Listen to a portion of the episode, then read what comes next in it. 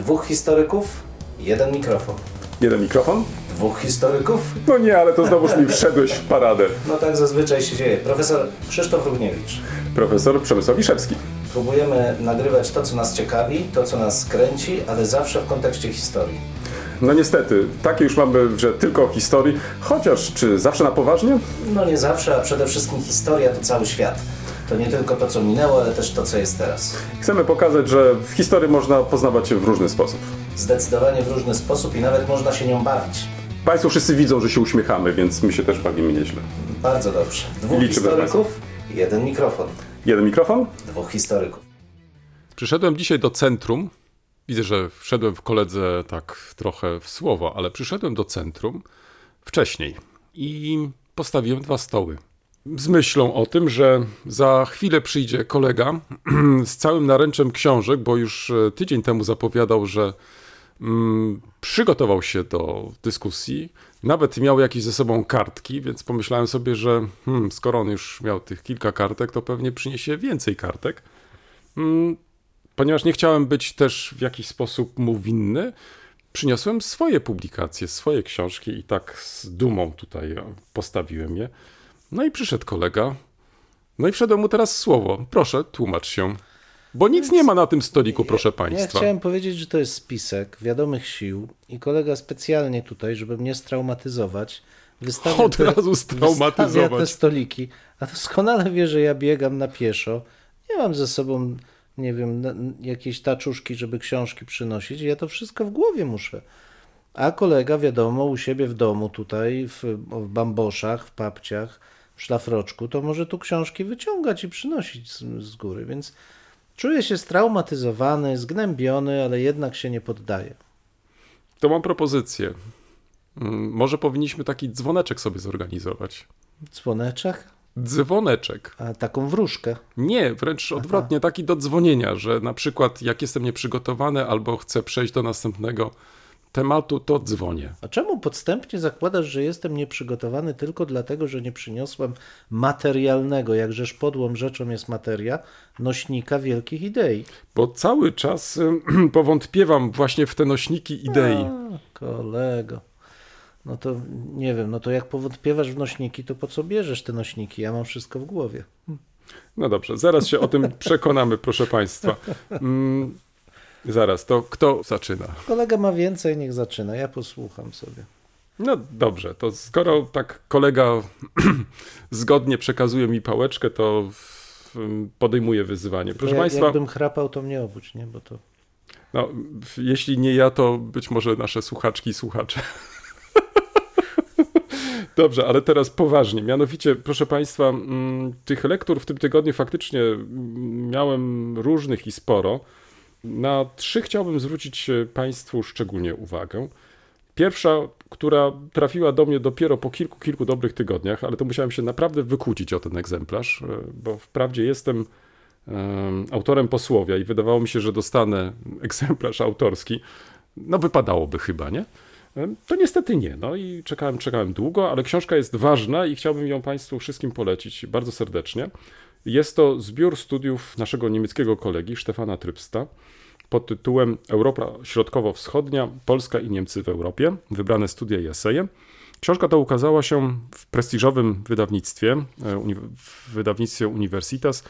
Mm, No nie, może nie tyle. W prestiżowym wydawnictwie, cofam to, bo to wydawnictwo nie wysłało mi jednak na czas, E, ale w prestiżowej serii, która jest e, wydawana przez naszego kolegę, profesora Marka Zyburę. Mm, Seria pod tytułem Polonika Leguntur. I to, co ciekawe w tej pracy jest, e, to jest to, że po raz pierwszy polski czytelnik ma możliwość sięgnięcia po bardzo ważne teksty naszego niemieckiego kolegi. W przeszłości teksty te wielokrotnie wywoła, wywo, wywoływały dyskusje.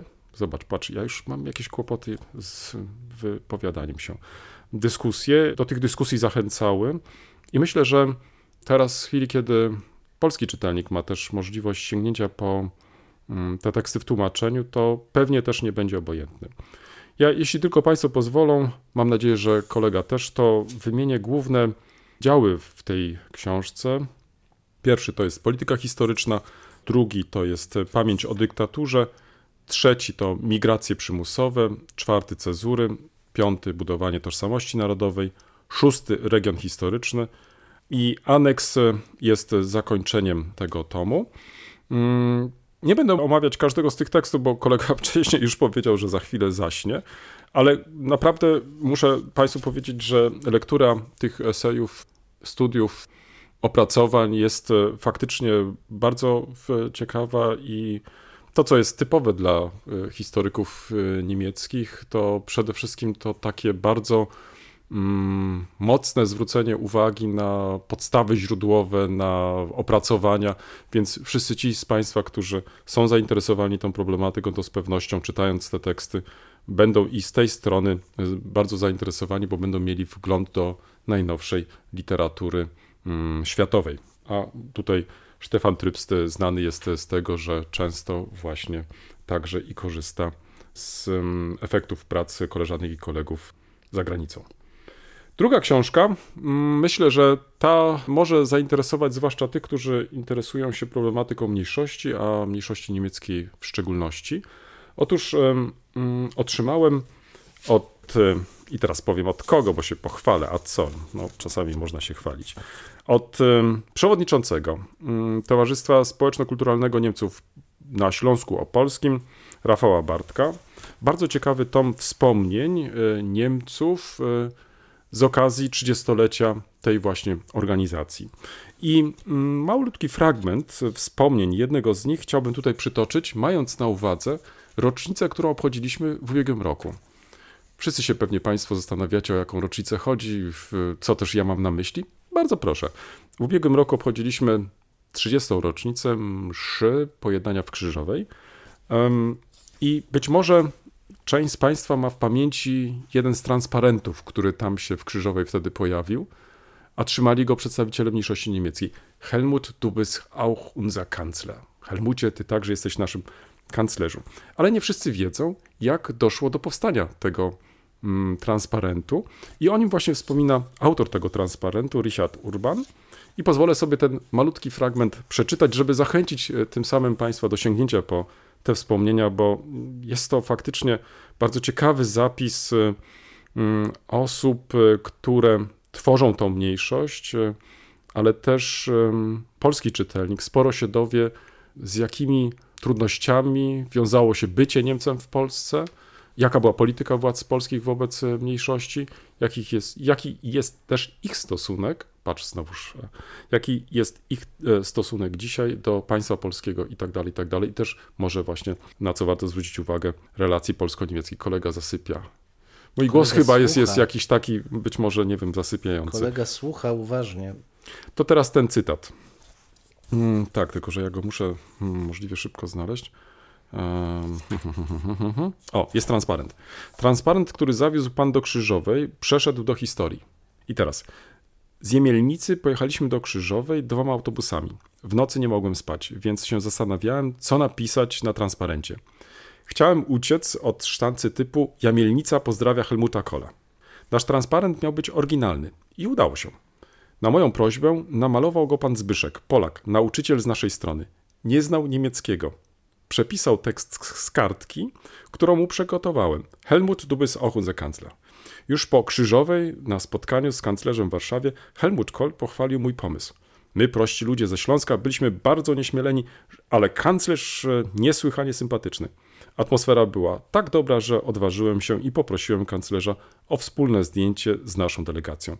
Nie wszystkim w ambasadzie ta moja śmiało się podobała, ale zdjęcie na pamiątkę nam zostało. I taka jest historia tego transparentu. Myślę, że warto ją y, wykorzystać. Wiesz, dlaczego przytoczyłem y, ten fragment?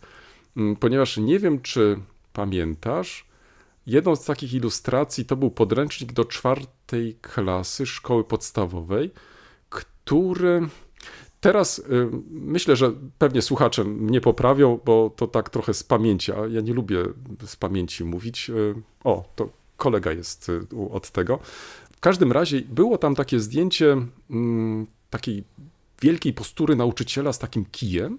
Chodziło tutaj o wrześnie i w, o strajk dzieci mm, we wrześni szkolnym z początku XX wieku. 905? Chyba tak, nie? E, tak, 905? Hmm. No, Trochę wcześniej, ale okej. b- na pewno w opisie będzie poprawna data. W każdym razie na pierwszym tle był właśnie ten taki pruski nauczyciel z tym jakimś takim wielkim kijem i takie biedne gdzieś tam w tle dzieci w tych ławkach e, przestraszone. Co się okazało, że ten nauczyciel wcale nie był pruskim Niemcem, tylko to był Polak, pruski urzędnik. I to właśnie on trzymał to właśnie to takie właśnie narzędzie w ręku, mające dyscyplinować po prostu te dzieci. Więc Co chciałem tym samym powiedzieć, że po prostu tego rodzaju historie mają po prostu przedziwne, e, mm, przedziwne zwroty akcji. I tutaj Polak, który namalował w transparent, nie znając, e, co maluje, czy nie wiedząc, co maluje. No mam nadzieję, że pan Richard Urban przetłumaczył naszemu rodakowi, co też on tam maluje. A nie ukrywam, że ten plakat faktycznie, czy ten transparent, y, mm, no, odegrał sporą jednak e, rolę. No i właśnie tutaj też się zastanawiano później, jak to jest z tą lojalnością mniejszości niemieckiej wobec właśnie państwa, w którym e, mieszka i tak dalej, i tak dalej. Ale zostawiam to, być może będzie okazja, żeby ewentualnie do tej sprawy po prostu wrócić.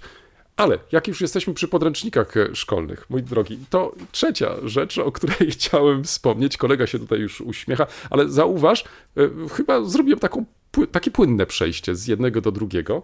Mianowicie w przyszłym tygodniu będziemy dyskutować o czwartej części podręcznika polsko-niemieckiego.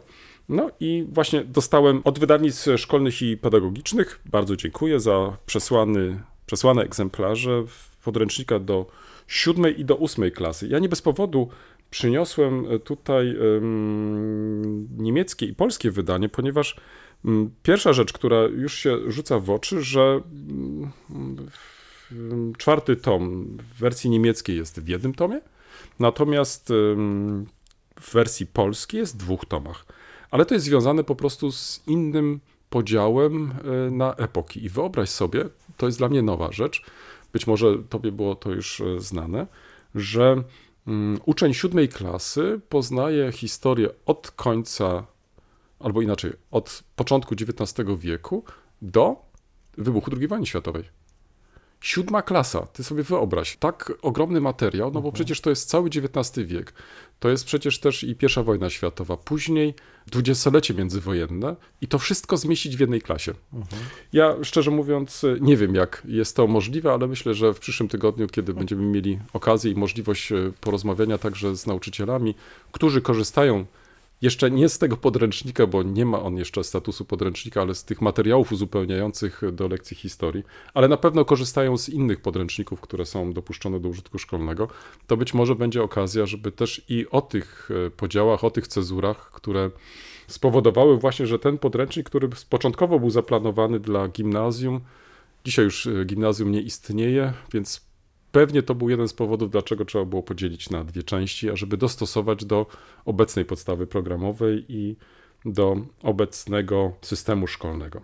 Ale na razie się nie zagłębiam e, tutaj w treść, bo nie miałem okazji przeczytać, także nie będę się tutaj chwalić, ale chętnie może za tydzień, jeśli pozwolisz, wrócę do tego podręcznika, bo myślę, że warto poświęcić mu nieco więcej czasu i uwagi z mojej strony, kropka. Tu powinien może zadzwonić dzwonek. Widzisz, o w tym momencie byłby ewentualnie Żebym ten moment. Tak, Tak, właśnie ten moment, żeby właśnie zadzwonił dzwonek. Tak, tak, tak, dziękuję bardzo. Bardzo proszę. Troszkę nasze te lektury są zbieżne, chyba głównie ze względu na Opole, bo ty e, w, przytoczyłeś, e, czy przywołałeś osobę związaną z e, przewodniczącego związanego z Opolem mniejszości niemieckiej, a ja chciałem się em, no nie wiem czy pochwalić, ale inaczej chciałem nie Ale się, pochwal ale się. pochwalić, ale właśnie Tak. nie się, tylko pochwalić. Bardzo ciekawy artykuł, dwójka badaczy właśnie z Opola em, zaprezentowała e, geografów. E, Rozważania na temat funkcjonowania i roli nowego, starego w przestrzeni miast e, Śląska Opolskiego. Takim terminem nowe, stare oni określają, czy określali renowację obiektów zabytkowych e, i starali się dokonać e, z punktu widzenia mm, takiej geografii mm, tożsamości, funkcjonowanie tych obiektów, nowych, odnowionych obiektów w przestrzeni miastopolskich. Od Opola zaczynając przez bardzo ciekawe Głubczyce, gdzie w ogóle odbudowano w stylu rene- renesansowym zniszczony, e, w, zniszczony ratusz, ale także w ogóle Starówkę i kilka jeszcze innych mniejszych e, miejscowości, zastanawiając się, jaką funkcję pełnią takie znaki w przestrzeni miasta. To oczywiście wpisuje się jakby w szerszy nurt badań w ogóle nad kształtowaniem przestrzeni publicznej, tożsamościami miejskimi, rolą odgrywaną przez znaki w przestrzeni. Bardzo ciekawe. Mm, W, podzielili jakby te mm, funkcje obiektów na trzy typy. Jedna to jest budowanie tożsamości lokalnej, druga to są pełnienie funkcji takich politycznych, jak oni nazywają, przy czym e, tu od razu zastrzegę, że podział dla mnie jest zupełnie nie, niepoprawny, bo oni wydzielają niepolityczne, czyli budujące tożsamość lokalne i polityczne, czyli nawiązujące do ogólnopolskich partii politycznych. No ale to, to mi to zupełnie nie odpowiada. No nieważne. No i trzecie to takie, które przywołują dawność jako taką. E, Ja bym polemizował oczywiście z samymi podziałami, ale nie, nie w tym rzecz. Dla mnie ciekawe było sama próba wykorzystania refleksji geografii przestrzeni, geografii tożsamości, właśnie i zaaplikowania jej do kwestii funkcjonowania historii w przestrzeni publicznej.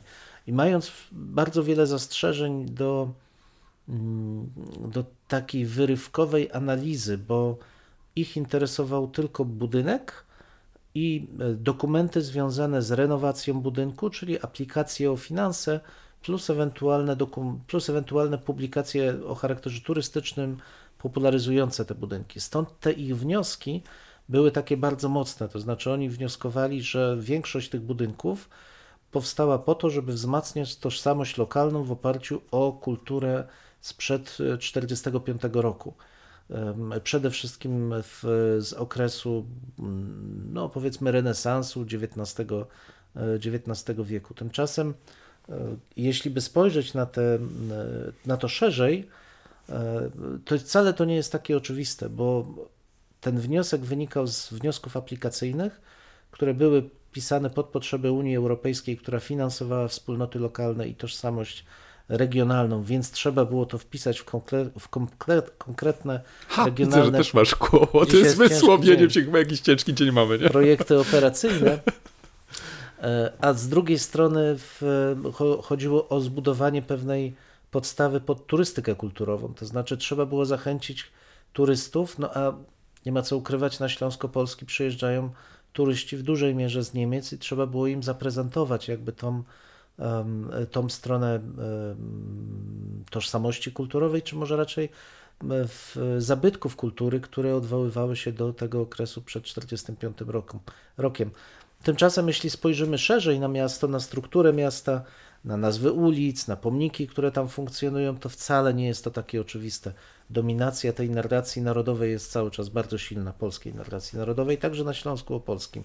Ale mówię o tym dlatego, żeby pokazać, że jak czasami tak mocno krytykujemy nieumiejętne wykorzystanie interdyscyplinarności przez historyków, to musimy zdawać sobie sprawę, że to nie jest wcale y, cecha tylko historyków, że bardzo wiele różnych dyscyplin próbuje wykorzystać różne em, obszary wiedzy w często fantastyczny, właśnie taki bardzo stymulujący sposób, jak w tym przypadku, ale to nie chroni ich od pewnych em, skrótów myślowych. Więc warto czytać, warto to w, cały czas postrzegać, natomiast trzeba zawsze ostrożnie podchodzić do wniosku, bo tu uwarunkowania, historyk jest na to wrażliwy, na wieloczynnikowość uwarunkowań z zjawisk i procesów społecznych. Dla geografa mogą nie być tak istotne, jeśli on wyrywa, koncentruje się na przestrzeni, wyrywa przestrzeń z tej sieci społecznej. Dla nas to jest jakby rzecz zupełnie inna.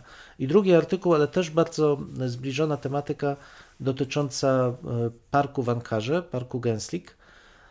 Ankarze, stolicy Turcji. Jeden z badaczy w, tureckich zrobił analizę przekształceń tego parku, e, renowacji tego parku w zasadzie, jakie dokonywały się w ciągu ostatnich 90 lat. Park był w ciągu tych 90 lat e, kilkukrotnie mm, odnawiany właśnie i to jest od momentu no, sekularyzacji państwa, czyli obalenia sułtana i tworzenia przez Atatürka państwa narodowego. Każda ta renowacja otoczona pod hasłem powrotu do oryginalnego kształtu parku, a to park reprezentacyjny w Ankarze, tak naprawdę zawierała w sobie zaszycie pewnych idei politycznych, które odpowiadały w danym momencie, bądź akurat konkretnej partii, która w tym momencie kierowała państwem, no i dla którego Ankara była właśnie takim em, klejnotem w koronie, bo to w końcu nowa stolica e, państwa, albo lokalnych władz samorządowych, które akurat w danym momencie przechwyciły kontrolę nad tym parkiem.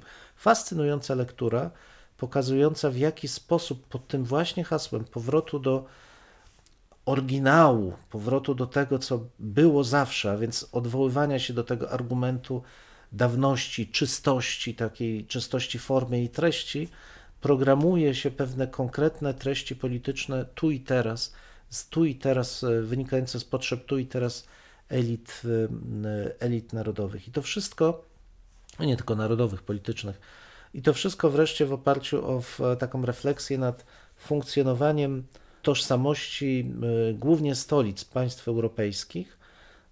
Bardzo ciekawe przekształcenia przestrzenne w, z wykorzystaniem właśnie też odwołań do zabytków kultury i z taką refleksją, y, która się pojawia y, gdzieś, y, ona się pojawiła już na początku XX wieku, ale teraz bardzo mocno jest akcentowana, czy była przed pandemią, że mamy do czynienia z jednej strony z komercjalizacją tożsamości, e, w, gdzie ta warstwa takiego oddziaływania na, na obywateli słabnie, a rośnie dążenie do wyabstrahowania tego jako produktu turystycznego, który ma nie tyle wspierać tożsamość, zwłaszcza lokalną mieszkańców, ale po pierwsze spełniać funkcje polityczne, to znaczy słać wyraźny komunikat do turystów, do odwiedzających, pośrednio też do obywateli, zgodny z daną w danym miejscu e, wizją narodu, a z drugiej strony komercjalizacja, to znaczy wykorzystywanie tej e, przestrzeni, tego, tych zabytków e, przede wszystkim do, no niestety, zarab- niestety, niestety, do zarabiania pieniędzy przez określone grupy. W rezultacie ta e, polityka taka, czy inaczej, to nawet nie jest polityka, tylko naturalny proces, w którym przestrzeń dostosowuje się do pewnych oczekiwań, przekazów, wartości e, obywateli jest bardzo mocno zakłócany. Widać to zwłaszcza w stolicach, ale nie tylko, w każdej dużej metropolii, gdzie to życie polityczne, zwłaszcza życie polityczne w skali całego organizmu państwowego, bardzo mocno oddziaływuje na, e, na, w przestrzeń i na obywateli. No i tyle. No, z, z wielkim zainteresowaniem słuchałem to, to twoją taką relację e, z twoich lektur. Mm, Nie, nie, wcale nie, nie za- zasnąłem, jak zauważyłeś. Widzisz? Byłem nawet tak właśnie w- Bo to pobudzo... Nie, pobudziłeś wręcz mnie i, i dlatego zadam ci pytanie, bo No.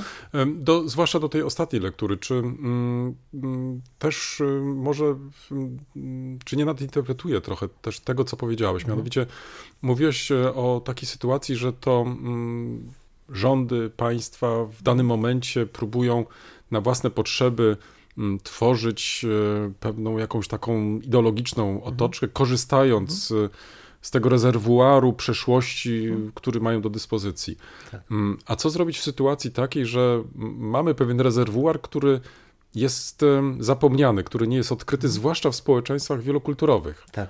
No, I teraz co, tak. co właśnie z, z, tym robić? To znaczy, Tak. lub też co się robi? E, Zapomina się go, czy też wręcz odwrotnie, próbuje Mhm. się go w jakiś sposób adaptować do własnych potrzeb, żeby pokazać, e, no, no, że coś ma dłuższą tradycję, że, Mhm. że nawet jeżeli jest obce, to przestaje już być obce, ponieważ my to w jakiś sposób zaakceptowaliśmy Mhm. lub też zaadoptowaliśmy. No właśnie, to jest, to jest bardzo ciekawe pytanie, bo ten fenomen wydobywania z pamięci jest jednocześnie zawsze łączony z fenomenem zapominania. To i, na, i nasza ludzka psychika tak działa, że coś pamiętamy, coś zapominamy, ale też społeczna jak najbardziej. Natomiast te, te zjawiska wydaje mi się, że trzeba rozpatrywać w bardzo konkretnych przypadkach, bo w, ze wszystkimi typami zjawisk możemy się spotkać. E, Mamy do czynienia z takim przechwytywaniem na przykład. To znaczy budynki, które e, mogły powstać dużo później, są na przykład świadomie postarzane po to, żeby wyglądały jako dużo starsze, właśnie po to, żeby połączyć to z jakimś okresem, który akurat jest korzystny dla danej grupy politycznej. I żeby powiedzieć, że o ten zamek stał tutaj, jest na przykład zamkiem piastowskim polskich piastów na ziemi, pomimo że powstał w XIV albo XV wieku, już wznoszony przez, na Śląsku przez władców czeskich albo przez lokalne dynastie e, niemiecko, e, niemieckojęzyczne, albo taki bardzo dla mnie e, ciekawy przykład. Mm, Miasteczko e, Świeżawa, o którym wielokrotnie już wspominałem, bo też no, ciekawi mnie samo przez się jako małe lokalne centrum, gdzie e, powstało w XIX wieku pamięć o, o miejscu, którego nigdy nie było, czyli o zamku w tym, w tym e, mieście. I tam nazwano Burgplatz, taki Burgplatz będący częścią normalnego marktu. W, funkcjonował, miał przypominać o tym, że kiedyś tutaj było, była władza książęca i, i Świeżawa była jest ważnym miastem. I dla mieszkańców niemieckich przed 1945 był to jeden z elementów ich tożsamości, że to miasto miało taki swój epizod, gdzie książę tutaj rezydował. Faktycznie tak było. Ale w, potem po 1945 roku, kiedy na fali y, jakby polonizacji, należałoby raczej oczekiwać, że pewne rzeczy znikną z tej toponimii. Y, Tymczasem y, jest taka świetna, mapa z 40 tam, przełomu 5 i 6 roku, gdzie dosłownie te wszystkie nazwy są przetłumaczone, tam Hilsbergerstrasse, Jeleniogórska, wiadomo, niemal dosłownie. W, I Burgplatz staje się placem zamkowym, ale w, w lokalnej tradycji to już nie jest jakiś tam zamek, tylko to jest zamek Piastów Śląskich, zamek Bolka Świdnickiego, który stał się założycielem miasta, no a Bolko Świdnicki jako ten ostatni, który nie złożył hołdu królowi czeskiemu, bo był zawsze związany z tradycją Ale to był taki wirtualny e, zamek, Zupełnie wirtualny, nie ma żadnych śladów. Tam był jakiś dwór, rzeczywiście książę tam rezydował co jakiś czas, ale nigdy tam nie ma żadnych śladów o jakimkolwiek zamku. To był taki twór w XIX wieku, zwłaszcza lokalni e, historiografowie lubowali się w tworzeniu tych gotyckich wyobrażeń, takich zamków, mur, wiadomo. I na tej fali, na podstawie zapisek z dokumentów, że książę sprawował tutaj sąd i miał swój dwór, kuria, co wcale nie oznacza, że miał zamek, to mógł być zwykły dom, drewniany nawet, potem kamienny, ale to był cały czas do mnie zamek. Natomiast tutaj chodziło o to, żeby wykreować właśnie tą tradycję dawności, ale jednocześnie związku z piastowskimi korzeniami e, miasta. No, ba- bardzo w, ciekawy jest ten sposób wykorzystywania przestrzeni toponimii, już nawet nie budynków, ale toponimicznych takich oznaczeń, które kreują pewne wyobrażenia do budowania tożsamości.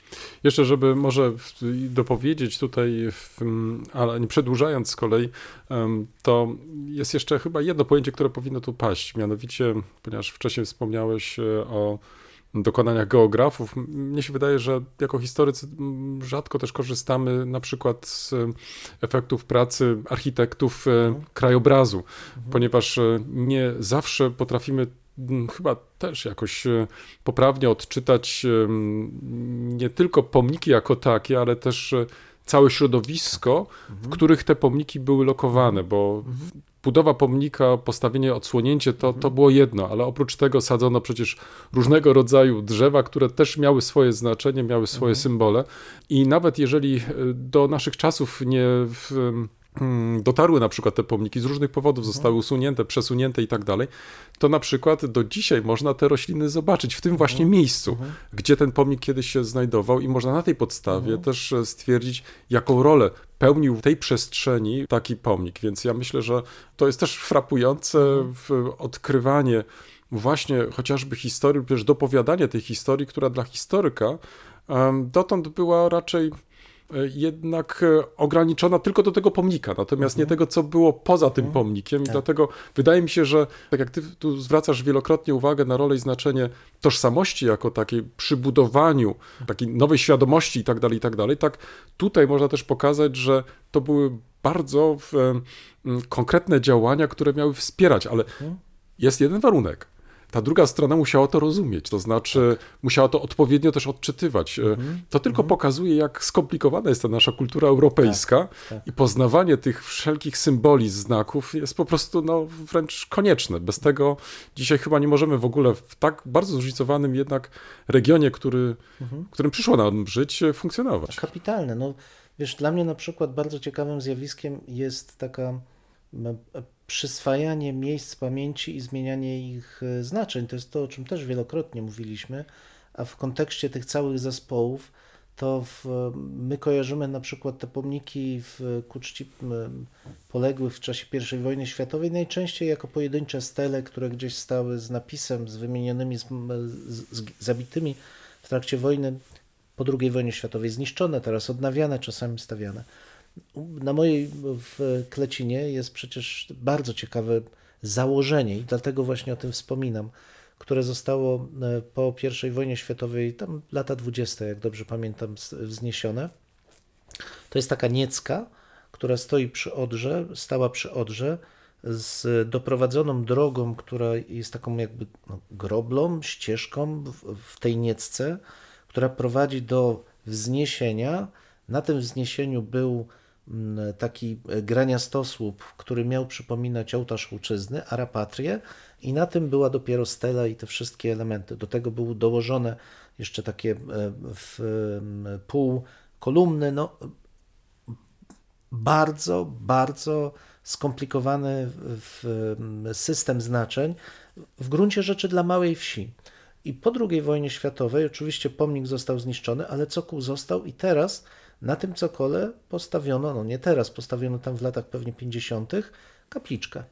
Kapliczka została, drzewa pięknie wyrosły, tej niecki już tam za bardzo nie widać, natomiast są drzewa. I co zrobiono w e, pewnym momencie, już XXI wiek, zasadzono małe drzewka w katyńskie, jak dobrze pamiętam, poświęcone osobom, które najwyraźniej były związane akurat z mieszkańcami miasta w Wrocławiu, ale też tej, tej, tej dzielnicy.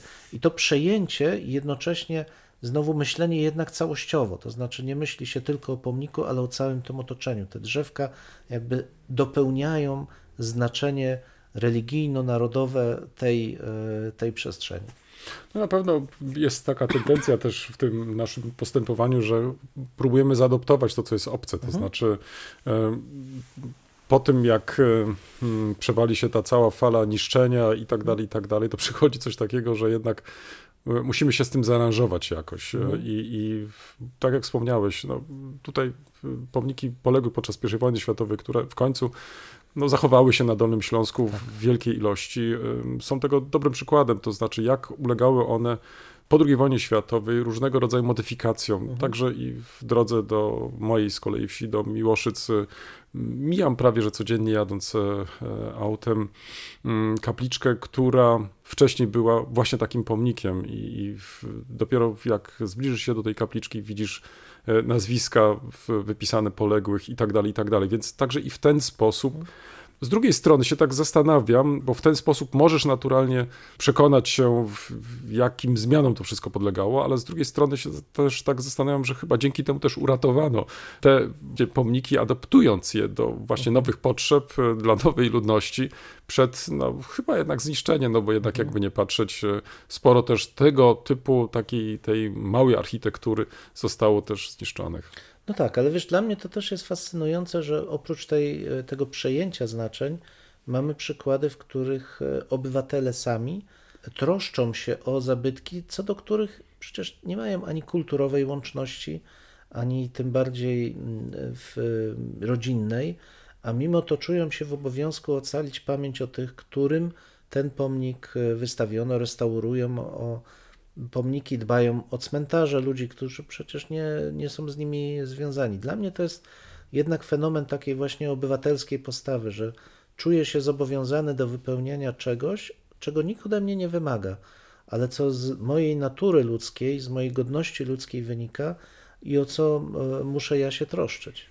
Tutaj, mm, jeżeli już e, mm, poświęciliśmy temu tematowi tak dużo uwagi, to warto może też wspomnieć jeszcze o innej mm, tego typu akcji, która póki co y, jest to jedyny znany mi na razie przypadek, ale myślę, że warto go nie tylko rozpropagować, ale też naśladować. Mianowicie w Treśnie, po tej wielkiej powodzi, która nawiedziła Wrocław przed kilku laty, musiało być, zala, musiało być zalana jedna ze wsi i z tamtej wsi przewieziono właśnie do Trestna, w pobliżu kościoła, postawiono właśnie pomnik poległym podczas I wojny światowej, odnowiono go, ale na tym nie poprzestano. Dołączono do tego tabliczkę, która nie tylko informowała o tym, że ten pomnik znajdował się w innej wsi, w sąsiedniej wsi, także okolicznościach przeniesienia itd., itd., ale pojawiło się coś, co naprawdę bardzo mi się spodobało, mianowicie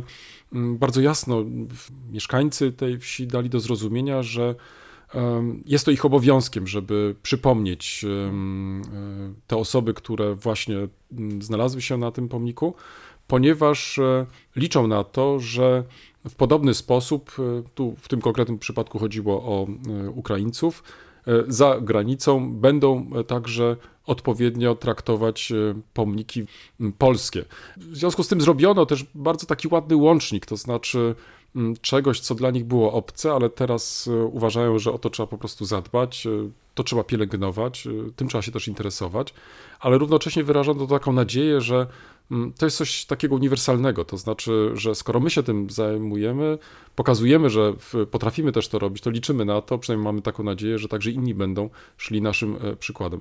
Bardzo mi się to podoba, to znaczy nawet e, trochę żałuję, że ponieważ wspomniałem tutaj o tym podręczniku polsko-niemieckim, że w naszych podręcznikach na przykład nie ma czegoś takiego jak wkładek regionalnych, które mogłyby na przykład e, zwracać e, uwagę ucznia właśnie na chociażby tego typu, typu przykłady, które moim zdaniem kapitalnie tworzą więź e, z miejscem, w którym e, mieszkają, a równocześnie uczą szacunku wobec przeszłości, bo to jednak jakby nie patrzeć, em, właśnie opatrując e, pomnik, e, ten wspomniany pomnik e, dodatkową tabliczką, mm, zdekodowano też ten pomnik. To znaczy, on już nie jest jakimś bezimiennym pomnikiem, tylko jest konkretnym pomnikiem. Tam są pochowane, czy tam upamiętnione konkretne osoby, ale równocześnie jest też mowa o kawałku historii Polski, ludzi, którzy po 1945 roku znaleźli się właśnie w tej wsi,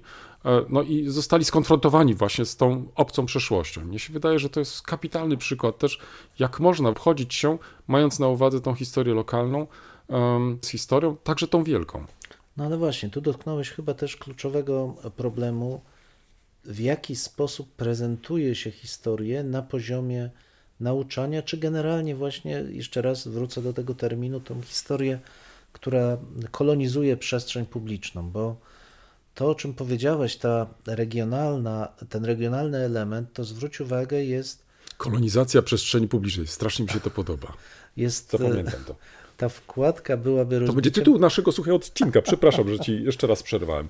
Okej, przyzwyczaiłem się. W każdym razie chciałem powiedzieć, że jeśli byśmy zastosowali tą wkładkę, za co ja byłbym całym sercem, to ona rozbija cały paradygmat nauczania historii i właśnie przedstawiania historii. To znaczy, że historia nie jest monolitem. Tymczasem nauczanie historii opiera się na założeniu, że trzeba przedstawić jeden skończony model historii. Co gorsza, czasami tak uczy się też na studiach, że jest jeden skończony model historii. Tymczasem historie rozpadają się na wiele rozmaitych, przepraszam, wariacji, wariantów. One toczą się rozmaitymi korytami. Te, te strumienie czasu porywają ludzi na różny sposób, w różnych miejscach. I żeby móc odczytać to, co jest w konkretnym miejscu, trzeba niestety zagłębić się w coś, co czasami może być nie tylko inne, ale wręcz sprzeczne z tym głównym modelem. I w momencie, kiedy ten główny model jest historią narodową, to nagle te regiony, które nie pasują do tego czegoś, co dało główne elementy tej historii narodowej, w naszym przypadku to będzie obszar no, Małopolski, Wielkopolski, Mazowsza mniej więcej i mityczne Kresy Wschodnie, to przestaje istnieć de facto. W tym modelu narodowym ziemie tak zwane zachodnie, zauważ, pojawiają się gdzieś tam X-XI wiek, potem w ogóle nikną i pojawiają się ponownie po 1945 roku, a przepraszam, po I wojnie światowej powstania śląskie, walka w Wielkopolsce i tak dalej. Więc żeby móc zrobić taką historię, o której ty mówisz, za czym ja jeszcze raz mówię, jestem całym sercem, trzeba najpierw zrobić wielką reformę własnego spojrzenia na rzeczywistość, także na to, jaka jest rola człowieka w tej historii, kto Wiesz, za nią odpowiada. Wiesz, chociaż tu z jednej strony uważam, że to jest chyba naszą powinnością apelować o coś takiego, ale zdaję sobie z tego sprawę, mm, że to jest naprawdę bardzo trudne. To znaczy, żeby przekonać zwłaszcza e, komercyjnych e, wydawców do właśnie poczynienia takiego kroku. Rozmawiałem w ubiegłym tygodniu z jednym z nich i pytałem, tak przy okazji, czy, czy rozważano w ogóle na jakimkolwiek etapie przygotowanie takich wkładek regionalnych, odpowiedział mi wprost, że tego nie przewiduje podstawa programowa.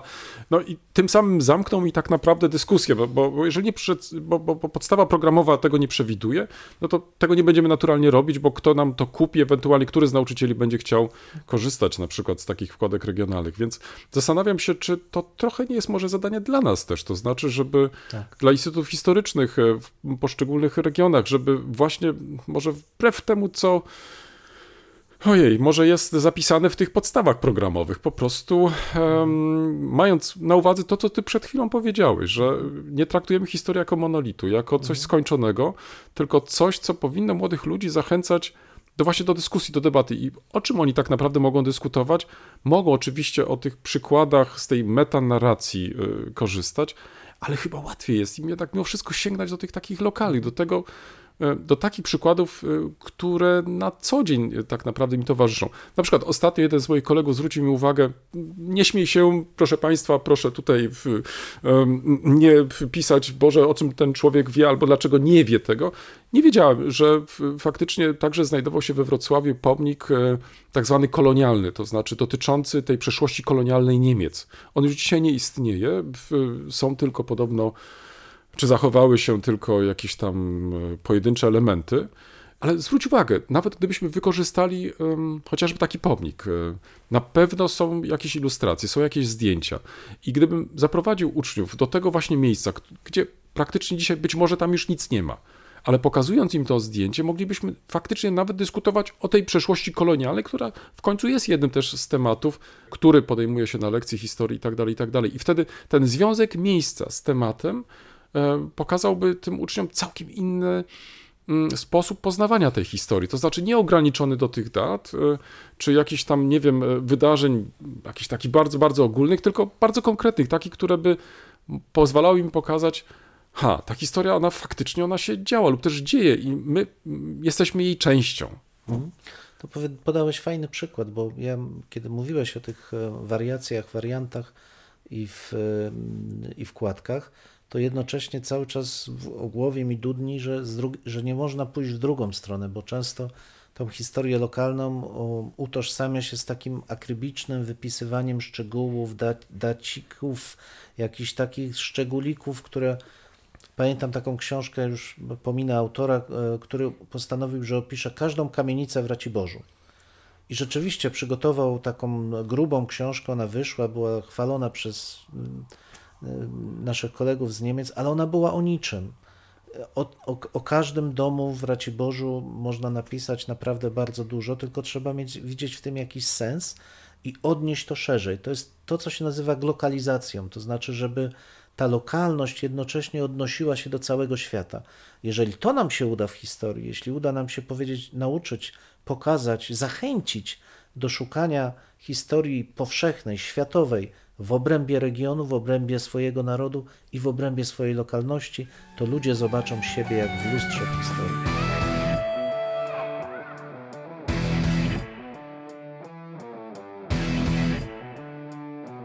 W tym miejscu stawiamy kropkę lub też jak to woli kropkę nad i.